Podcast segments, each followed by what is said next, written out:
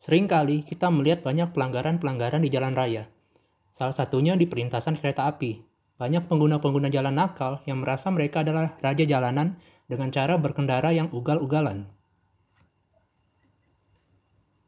Kecelakaan di perlintasan kereta api tidak hanya sekali atau dua kali terjadi, namun sangat sering kali terjadi. Banyak masyarakat yang langsung menyalahkan kereta api dalam kecelakaan tersebut dengan berkata, berhenti saja dahulu. Kereta api dipikir layaknya sebuah motor atau mobil yang dapat berhenti dengan mudah.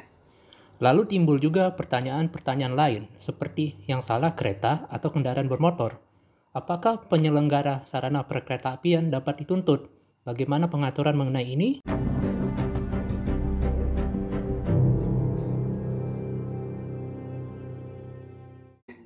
Halo, selamat datang di Ngulik Hukum bersama gue Dito. Dan gue Agung. Undang-undang khusus yang mengatur kereta api diatur dalam Undang-Undang 23 tahun 2007 tentang perkereta apian. Selain Undang-Undang perkereta apian, diatur juga dalam Undang-Undang Nomor 22 tahun 2009 tentang lalu lintas dan angkutan jalan, Peraturan Pemerintah Nomor 56 tahun 2009 tentang penyelenggaraan perkereta apian, dan Peraturan Pemerintah Nomor 72 Tahun 2009 tentang Lalu Lintas dan Angkutan Kereta Api. Dalam Undang-Undang Perkereta Apian sendiri, yang dimaksud kereta api adalah sarana perkereta apian dengan tenaga gerak, baik berjalan sendiri maupun dirangkaikan dengan sarana perkereta, perkereta apian lainnya, yang akan atau sedang bergerak di jalan rel terkait dengan perjalanan kereta api.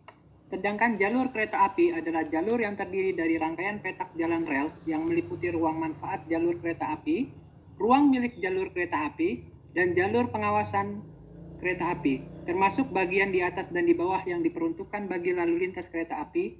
Dalam pasal 187 ayat 1 Undang-Undang Perkereta Apian, setiap orang dilarang berada di ruang manfaat jalur kereta api, menyeret, menggerakkan, meletakkan atau memindahkan barang di atas rel, atau melintasi jalur kereta api, atau menggunakan jalur kereta api untuk kepentingan lain selain untuk angkutan kereta api.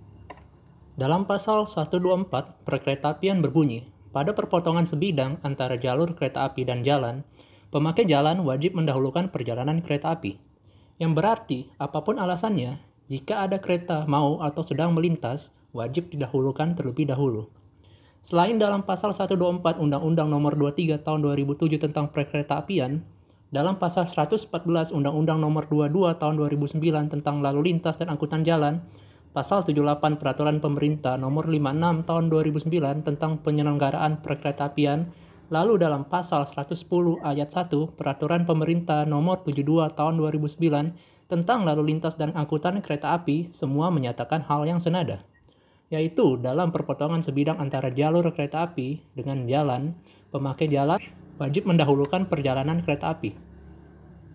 Jadi penyelenggara sarana perkeretaapian tidak bisa dituntut, justru sebaliknya dan dapat menuntut.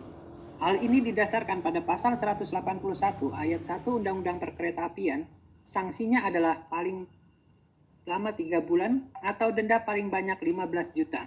Sanksi lain terdapat di pasal 296 Undang-Undang Lalu Lintas dan Angkutan Jalan, yaitu terhadap pengendara kendaraan bermotor yang tidak berhenti pada perlintasan antara kereta api dan jalan ketika sinyal sudah berbunyi, palang pintu kereta api sudah mulai ditutup, dan atau isyarat lain. Terhadap pengendara tersebut dipidana dengan paling lama kurungan 3 bulan atau denda paling banyak Rp750.000. Berbeda jika kesalahan ada pada pihak penyelenggara, seperti tidak, tidak ada rambu-rambu, tidak ada peringatan jika kereta akan melintas, atau jika kesalahan atas kelalaian dari petugas penjaga perlintasan, maka sanksi untuk pidana ditugaskan pada pelintasan rel kereta tersebut adalah pidana paling lama lima tahun atau pidana kurungan selama-lamanya satu tahun, sebagaimana dimaksud dalam pasal 359 KUHP. Selain itu, terhadap masinis, Apakah masinis tersebut sudah mengikuti prosedur yang ada atau tidak? Jika lalai karena tidak mengikuti prosedur, maka masinis tersebut dapat dipidana sebagaimana disebutkan pasal 361 KUHP.